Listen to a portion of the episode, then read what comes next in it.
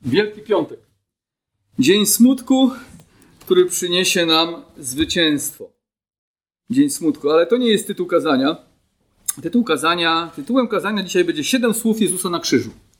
Siedem słów Jezusa na krzyżu. Jeśli jakiekolwiek słowa warto rozważać, to na pewno słowa Jezusa Chrystusa. Po prostu on był tak inny od nas, że albo, jak to powiedział Suis Lewis, był wariatem, albo był Bogiem.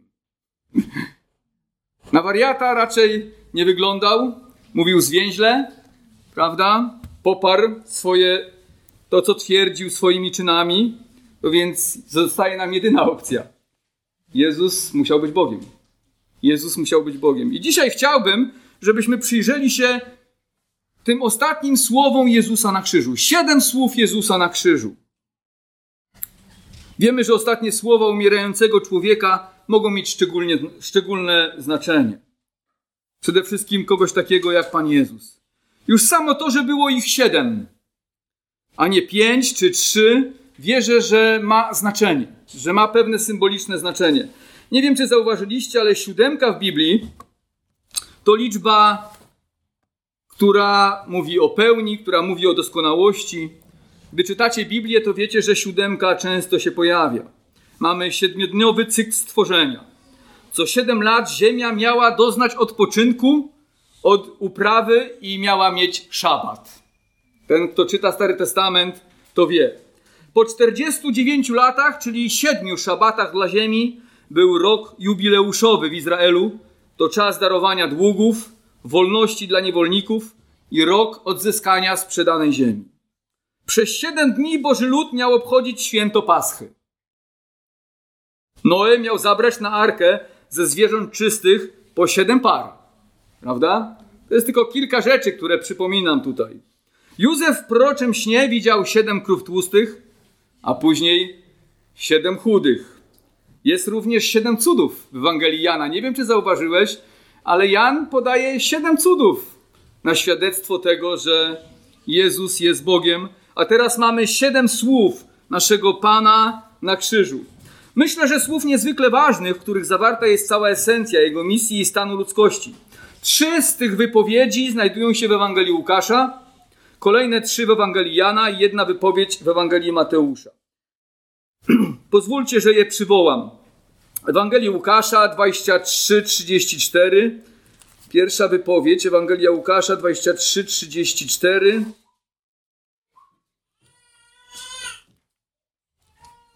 Jezus powiedział: Ojcze, przebacz im, bo nie wiedzą, co czynią. Ojcze, przebacz im z krzyża, bo nie wiedzą, co czynią. Łukasza 23:43. Zaprawdę powiadam ci, to słowa do Łotra, dziś ze mną będziesz w raju. Prawda? Też takie słowa na krzyżu powiedział do człowieka, który obok niego wisiał. Łukasza 23:46 czytamy: Ojcze, w Twoje ręce powierzam ducha mojego, jak umierał. Później w Ewangelii Jana, w Ewangelii Jana w 19 rozdziale, w 26 wierszu mówi tak: Niewiasto, oto syn twój, oto matka twoja. Pewnie znamy te słowa, które do Marii i do Jana powiedział. Później powiedział w Ewangelii Jana w 19 rozdziale 28: Pragnę.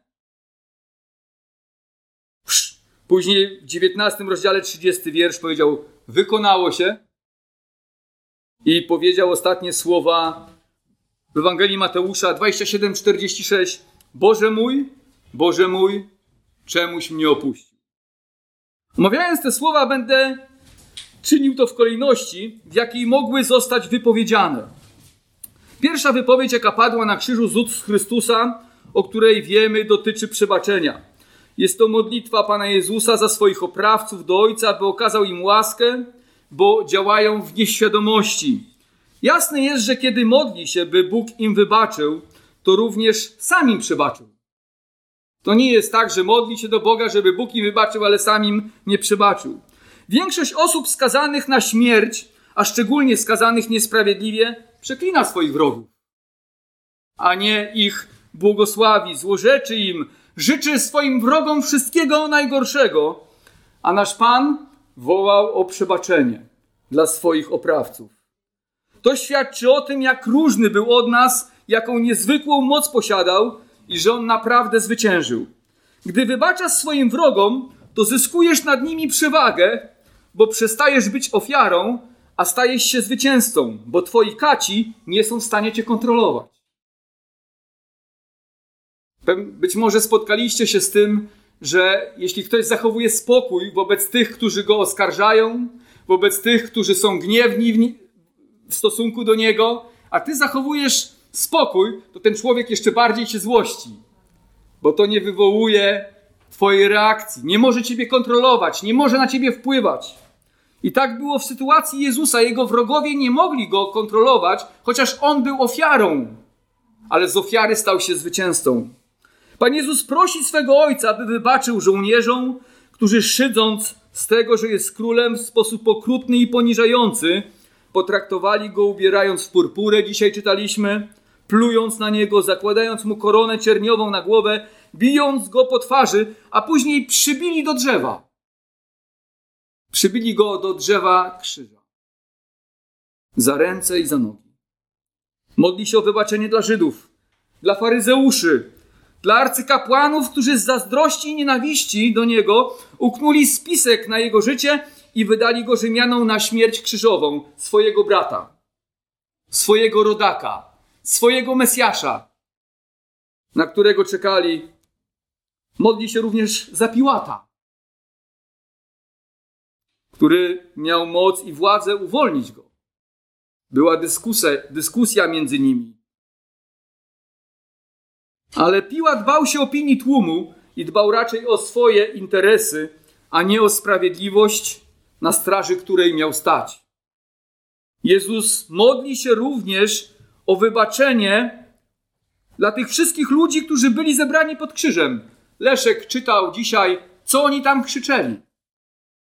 Ukrzyżuj go! Ukrzyżuj go! Cały tłum wyśmiewali go.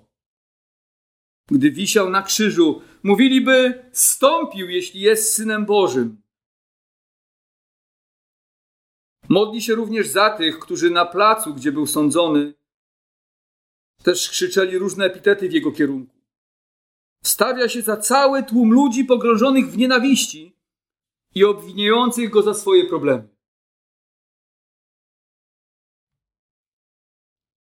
Wypełnił w ten sposób proroctwo z księgi Izajasza 53:12. On to poniósł grzech wielu i wstawił się za przestępcami. Tak naprawdę to oni byli przestępcami, a on był sprawiedliwy. Ale on wstawił się do Ojca za nimi.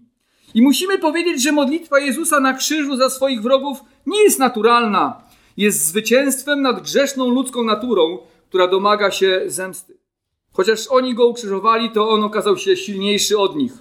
W ten sposób Pan ukazał nam rolę, do jakiej przeznaczył go Ojciec. Rolę wstawiennika za ludzi, pośrednika między nami a Bogiem, kogoś, kto nas kocha i chce naszego zbawienia, bo wie, jak bardzo się pogubiliśmy w życiu. On powiedział: Przebacz im, bo nie wiedzą, co czynią. Grzech zaślepia nas. Grzech zaślepia nas. Grzech zaślepia mnie. I często działamy pod jego wpływem, dopuszczając się najgorszych rzeczy, nawet myśląc, że to jest dobre. Nawet myślimy czasami, że to jest dobre w oczach Bożych, kiedy robimy złe rzeczy. Że to się Bogu podoba. Po prostu grzech zaciemnia nam prawdziwy obraz. Czasami myślimy, że nam pomoże, że nas uratuje grzech, a tymczasem ściąga nas coraz bardziej w dół. Po prostu w naszym grzechu jesteśmy ślepcami i często nie myślimy o jego strasznych konsekwencjach, lub nawet nic nie wiemy o tym, jak bardzo on nas niszczy. Potrafimy zatracać się w naszych bezeceństwach i cieszyć się nimi, a tymczasem prowadzą on, nas one do tragedii i potępienia. Potrafimy na przykład napawać się cierpieniem innych i cieszyć się z tego, że jest im źle w życiu Potrafimy też zadawać im cierpienie. Potrafimy nienawidzić, krzywdzić słowami i czynami. Potrafimy mordować, kłamać, cudzołożyć, niszczyć naszych bliskich i być okrutnymi, nie chcąc przebaczyć. I myślimy, że to jest dobre. I myślimy, że to jest dobre. Zobaczcie, jak grzech bardzo zaciemnia nam prawdziwy obraz. Jezus mówił: Przebacz im, bo nie wiedzą, co czynią. Często nie wiemy, co czynimy, działamy w nieświadomości. Nie wiemy, jak to bardzo się nie podoba Bogu jak bardzo niszczymy swoje życie, decydując się na grzech. Potrzebujemy tej modlitwy Pana Jezusa za nas, potrzebujemy, by się wstawiał za nami Ojca, by zostało nam przebaczone, by otworzyły się nam oczy oraz oczy naszych bliskich i rodaków, byśmy mogli zobaczyć, jak w strasznym położeniu znajdujemy się bez Boga w naszym grzechu. Potrzebujemy tej modlitwy, żeby On nam przebaczył i żebyśmy zobaczyli, co czynimy. W jak strasznym położeniu znajduje się ludzkość i do czego jesteśmy zdolni. Tylko wstawiennictwo Pana Jezusa, którego ofiara została przyjęta przez Boga, może doprowadzić do faktycznego przebaczenia naszego grzechu, bo On za niego umarł. On przebaczył swoim wrogom, a jak jest z moim i Twoim przebaczeniem? Gdy ktoś w życiu nadepnie nam na odcisk. Albo może trochę bardziej po palcach nam tam pogniecie. I ciężko nam. Czy potrafimy przebaczyć tym, którzy powodują, że komfort naszego życia, bezpieczeństwo jest zachwiane? Czy modlimy się na wzór Jezusa za naszych wrogów? On modlił się. Wierzę, że gdy wierzymy w Niego, gdy chodzimy z Nim, On daje nam moc, żeby w taki sposób żyć, choć nie jest to łatwe. Musimy walczyć ze swoją ludzką, grzeszną naturą. Kolejne słowa Pana Jezusa z krzyża odnoszą się do tak zwanego Łotra, który wisiał na krzyżu obok Pana. Człowiek ten w ostatnim momencie swego życia uznał w Chrystusie Mesjasza i Króla, zwracając się do Pana, by wstawił się za Nim i miał wzgląd na Niego, gdy wejdzie do swego królestwa. Prawdopodobnie ten Łotr na początku przeklinał Pana Jezusa, a później, prawdopodobnie po kilku godzinach, jakaś refleksja musiała przyjść do jego życia. Jakaś refleksja do jego serca i wtedy tamten jeden został przeklinający, a ten drugi zaczął prosić Pana o wstawiennictwo. Wtedy Pan Jezus złożył mu niezwykłą obietnicę. Zaprawdę powiadam Ci, dziś będziesz ze mną w raju. Tym samym obiecał mu, że jeszcze tego samego dnia człowiek ten będzie z Jezusem w niebie. Jest to znaczące świadectwo tego, że gdy umrzemy, to nasza dusza idzie gdzie? Do Pana Jezusa. Nasza dusza idzie do nieba. Jesteśmy z Nim. Łot na krzyżu w chwili, gdy uwierzył, gdy poprosił Pana Jezusa o ratunek, został zbawiony. Między innymi na tym przykładzie i na wielu innych widzimy, że zbawienie nie dotyczy tego, co my możemy zrobić, ale tego, co Pan Jezus zrobił dla nas. Nie tego, co ja mogę zrobić. Zbawienie nie jest na podstawie ludzkich uczynków, Maciek już o tym mówił, ludzkich starań, ludzkiej religijności, ale na podstawie ofiary Pana Jezusa.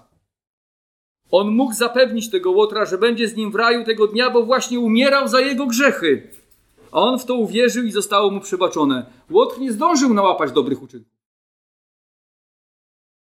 Często wielu ludzi mówi, muszę sobie zasłużyć. Ale Jezus mówi, musisz uwierzyć, a nie zasłużyć. Musisz uwierzyć w to, że ja zapłaciłem za ciebie, za mnie, za każdego człowieka. Musisz uwierzyć, że jego ofiara gładzi twój grzech.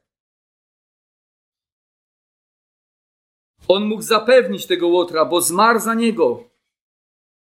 A on uwierzył w to przebaczenie, które Jezus miał mu dać. W ten sposób widzimy, że nauka, iż musimy sobie na niebo zasłużyć, jest nauką fałszywą. To jest oszustwo. Oszustwo diabła, sprytne. Bo odpowiada nam, bo wydaje nam się, że jak my będziemy starać się o to zbawienie, to ono jest pewniejsze niż to, co Pan Jezus zrobił na krzyżu. Ale gdzie zaprowadziły uczynki Łotra? Gdzie go zaprowadziły jego uczynki? Na śmierć. Na krzyż. Tak? Jego uczynki nie zaprowadziły go do nieba. Jego uczynki zaprowadziły go na śmierć. Na krzyż. A kto do nieba go wprowadził? Pan Jezus. Pan Jezus, ale uczynki ludzkie prowadzą człowieka do śmierci, a nie do nieba. Tak? Do nieba prowadzi nas Pan Jezus Chrystus. Podobnie jak ten łot na krzyżu musimy uwierzyć, by otrzymać przebaczenie. Musimy uwierzyć, że Pan Jezus już wszystko zrobił dla naszego zbawienia, a my mamy to przyjąć. Nie możemy nic dodać do tej ofiary, nie możemy jej poprawić, bo jest doskonała i gładzi wszystkie nasze winy. Możemy tylko ją przyjąć i prosić Pana, jak prosił Łot, by pamiętał o nas, gdy staniemy już przed Nim.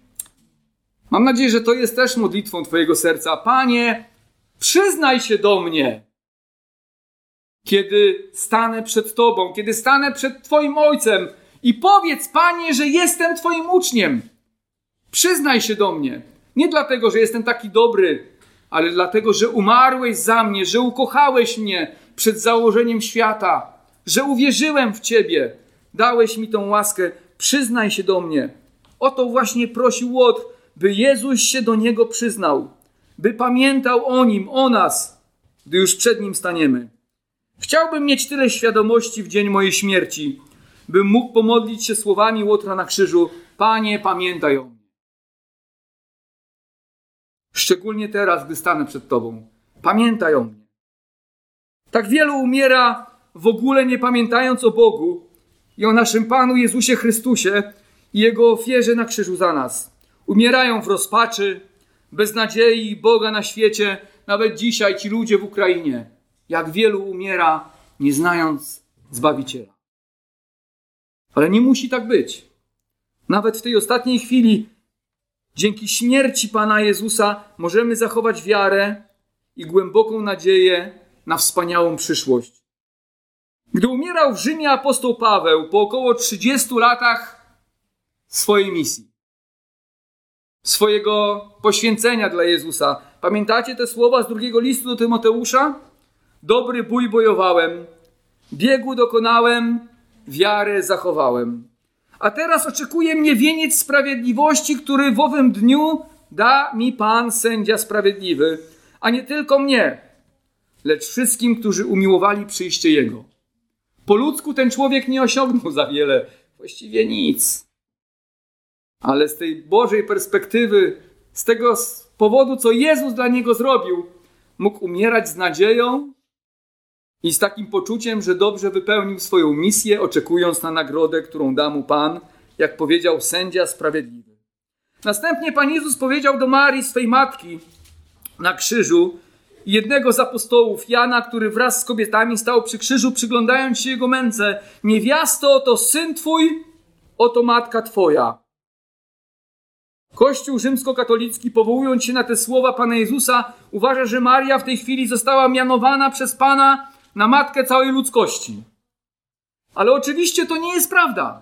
Pan Jezus nie powiedział do Marii pod krzyżem, że jest matką ludzkości, jak nie powiedział również do Jana, że on jest synem wszystkich matek. Prawda? Nie powiedział czegoś takiego. Niestety, gdy nie trzymamy się Słowa Bożego, to dochodzimy do takich absurdów, i wykrzywiamy proste drogi Boże.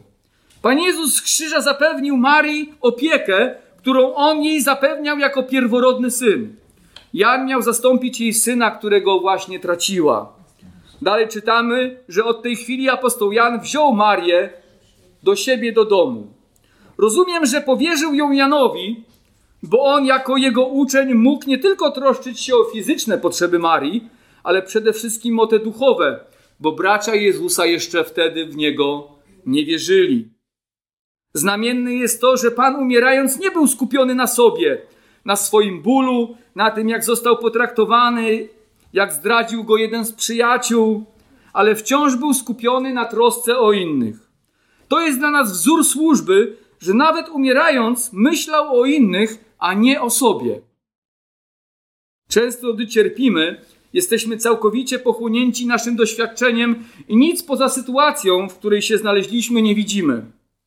Wystarczy trochę bólu w naszym życiu, może bólu zęba. Nic wielkiego. Zacznie boleć ciebie ząb.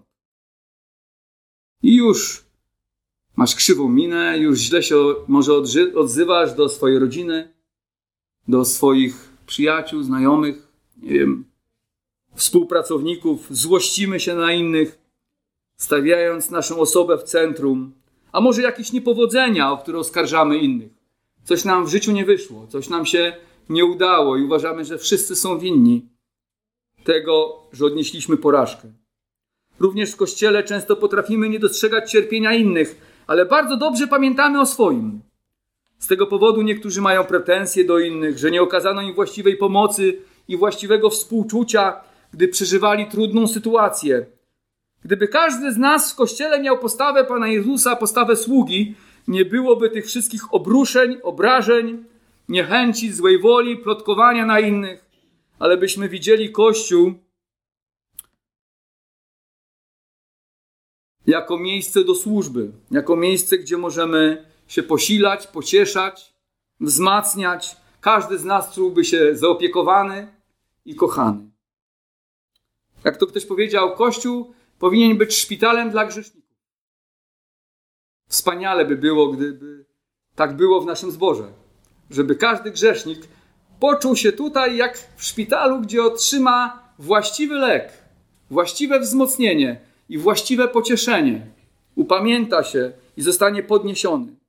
Gdy prześledzimy Ewangelię, to zobaczymy, że Pan Jezus zawsze pochylał się nad innymi. Okazywał im pomoc, współczuł w ich cierpieniach, płakał z płaczącymi, był wrażliwy wobec potrzeb i doświadczeń ludzi, nie dobijał złamanych. Czytamy, że on trzciny nadłamanej nie dołamie, a knota tlącego nie dogasi. Wprost przeciwnie, podnosił takich ludzi. Jakie są nasze serca? Czy mamy serce sługi? Czy myślimy o innych, o ich cierpieniach, o ich potrzebach? Pamiętajmy, że serce sługi to serce Pana Jezusa. Niestety nie jest to łatwe i tylko w społeczności z naszym Panem będziemy potrafili służyć innym bez poczucia straty. Dalej Pan Jezus wisząc na krzyżu wypowiada słowa, które szokują. Boże mój, Boże mój, czemuś mnie opuścił? Lub po aramejsku pewnie znamy Eli, Eli, lama sabachtani. Są to słowa niezwykłe, zważywszy na to, że Pan Jezus jest Bożym Synem. W tej chwili, wisząc tam na krzyżu, doświadcza oddzielenia od Ojca. Odwieczny Syn Boży, który nigdy w wieczności ani przez sekundę nie miał zerwanej łączności i więzi czy społeczności ze swoim Ojcem, teraz w tej chwili czuje się samotny, opuszczony. Czuje, że Ojciec go zostawił. Cytuję jednocześnie słowa z Psalmu 22, które Leszek też czytał. Podczas modlitwy psalm został napisany około tysiąc lat przed ukrzyżowaniem, kiedy to Dawid czuje się opuszczony przez Boga i daleki od Bożego wybawienia.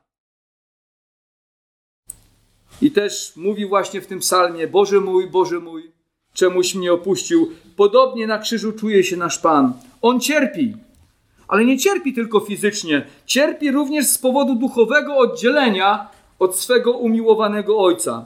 Trudno nam być może to pojąć, jest to trochę takie transcendentne,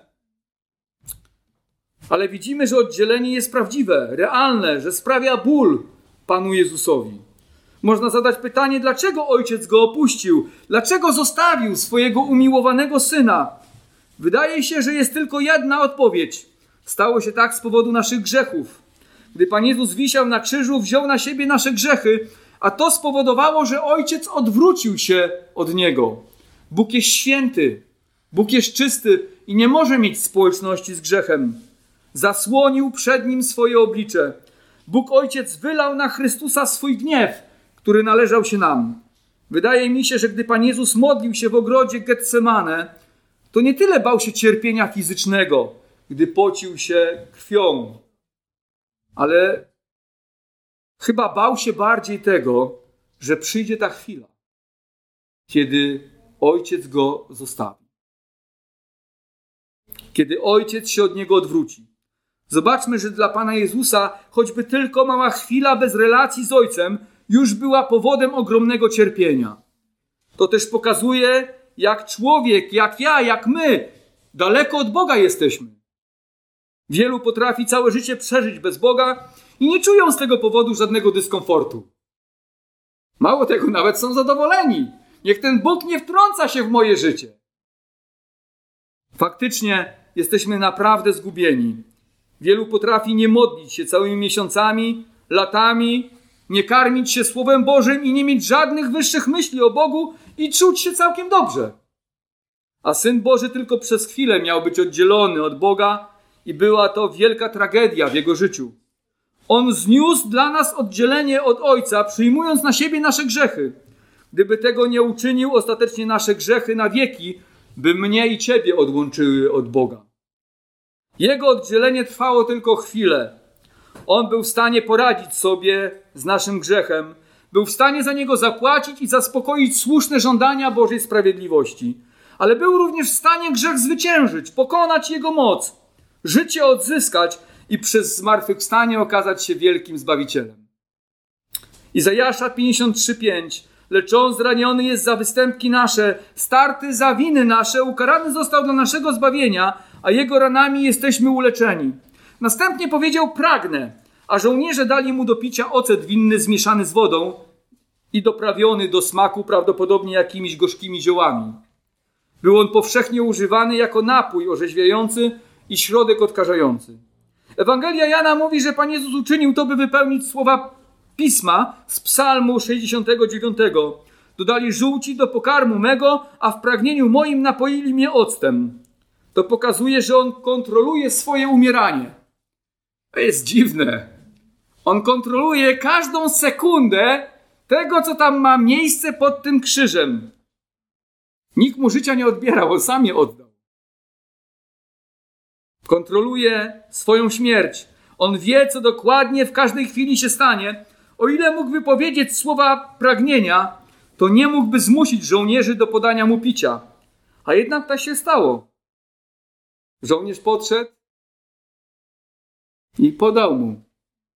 Spełniło się wszystko, co Bóg zaplanował. Każdy szczegół jego życia i śmierci był wypełnieniem Słowa Bożego. W pragnieniu Pana Jezusa widzimy prawdziwe człowieczeństwo. To, że był Bogiem, nie sprawiło, że cierpienia były mniejsze lub mniej odczuwalne.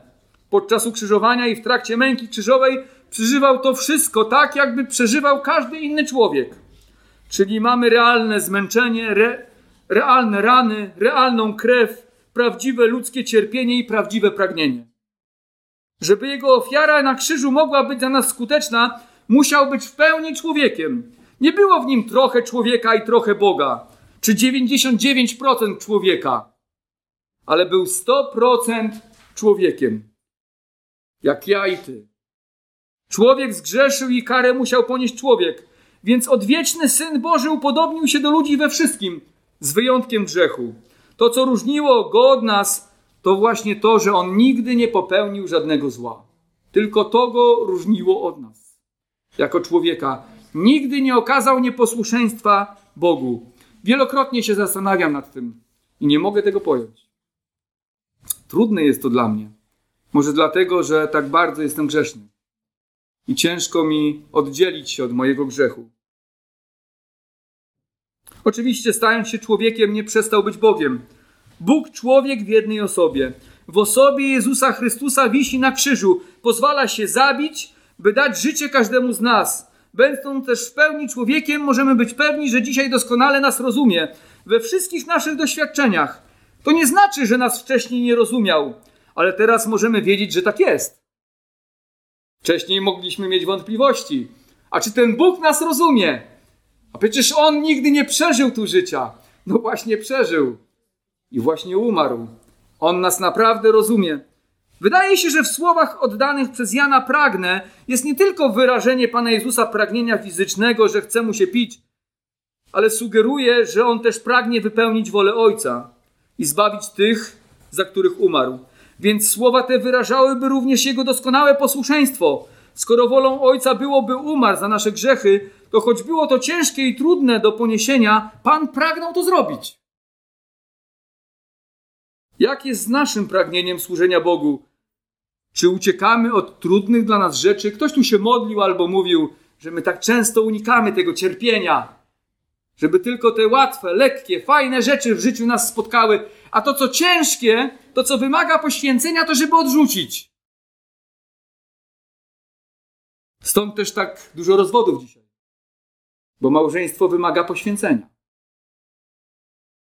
Prawda? Ale nie chcemy często ponosić. Wolimy po swojemu.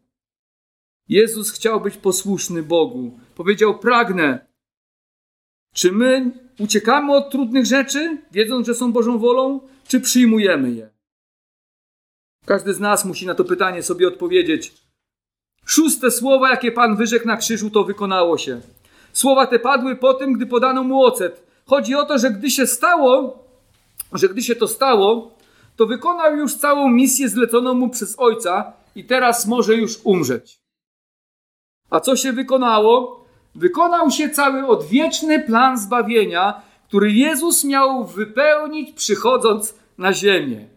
To też nam pokazuje, że wszystkie jego działania, każdy jego czyn był w ramach Bożej woli czyniony. Zresztą on często mówił, że ja nic nie czynię od siebie, ale czynię tylko to, co zlecił mi ojciec.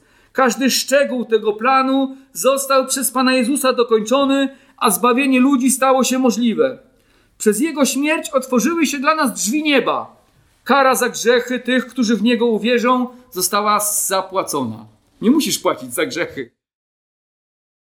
Dzisiaj Wielki Piątek. Prawdopodobnie zobaczycie w telewizji, jak ludzie na Filipinach krzyżują się. Prawda? Że przybijają się do krzyża, żeby utożsamić się z Panem Jezusem. Niektórzy może na kolanach idą na jakąś kalwarię, albo do Częstochowy, czy gdziekolwiek jeszcze in, indziej i spytasz się, co wy robicie? Cierpimy za grzechy. Cierpimy za grzechy. Nie musisz cierpieć za grzechy. Za grzechy cierpiał Boży Syn. Nie musimy cierpieć za grzechy. Musimy przyjąć Jego cierpienie. On cierpiał za nas. On dokończył ten plan. Przez swoją śmierć otworzył nam bramę nieba. Zasłona świątyni, która oddzielała miejsce przebywania Boga podczas Jego śmierci, rozdarła się. Prawda? Jak czytamy Stary Testament, to wiemy, że świątynia była podzielona na kilka miejsc. I było takie miejsce, miejsce najświętsze. Tam stała arka i tam tylko arcykapłan raz w roku mógł wejść. Tam Bóg przebywał. I w momencie, kiedy Jezus umarł, ta zasłona pękła od góry do dołu. Wiemy, że niemożliwe było, żeby pękła sama z siebie, bo to była 4-centymetrowa zasłona, bardzo gruba. Nie można było rozerwać tej zasłony, a jednak ona sama pękła. Miejsce do Boga zostało otworzone. Dzisiaj możemy przyjść do Boga przez ofiarę Jezusa, wiedząc, że zostaniemy przyjęci. Zobaczmy, że zbawienie jest całkowicie dziełem Boga, dziełem naszego Pana Jezusa, a nie naszym. Nic nie zrobiliśmy, nic nie zrobił żaden człowiek, by zbawienie było możliwe. To Bóg okazał się sprawiedliwym i usprawiedliwiającym tego, kto wierzy. On powiedział: Wykonało się, ja to zrobiłem, ja dałem ludziom zbawienie, ja zrobiłem wszystko, by każdy, kto we mnie wierzy, miał życie wieczne. To On wszystko zrobił. My po prostu mamy to przyjąć i cieszyć się tym zbawieniem i dziękować Mu.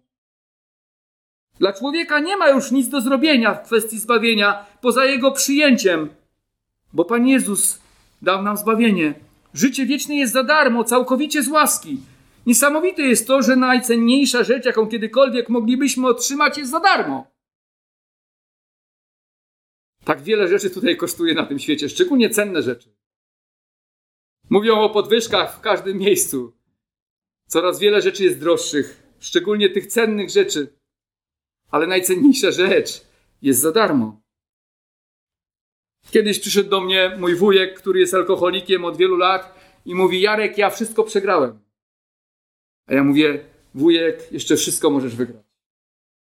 Jeszcze wszystko możesz wygrać. Tego, co najważniejszego, jeszcze nie przegrałeś. Jeszcze możesz wygrać, bo Pan Jezus wygrał w tych zawodach za ciebie. Wszystko możesz wygrać. Nawet jeśli w życiu wszystko przegrałeś, to możesz być wygranym, bo On wygrał za nas. Jego ofiara z samego siebie już na zawsze będzie miała moc zgładzić wszystkie nasze grzechy, choćby najgorszego grzesznika, pod warunkiem, że się upamięta i uwierzy. Oczywiście przyjęcie go jest związane z uczniostwem, z naśladowaniem Jezusa, ze służeniem mu, ale to wszystko wynika z tego, że on już nas zbawił. Nie próbujemy zasłużyć, ale chcemy okazać wdzięczność, rozumiejąc dzisiaj, że życiem jest dla nas Chrystus. Prawda jest w Jezusie, w nim mamy odkupienie i życie wieczne. Jeśli z jakiegoś powodu warto żyć, to właśnie z powodu Jezusa.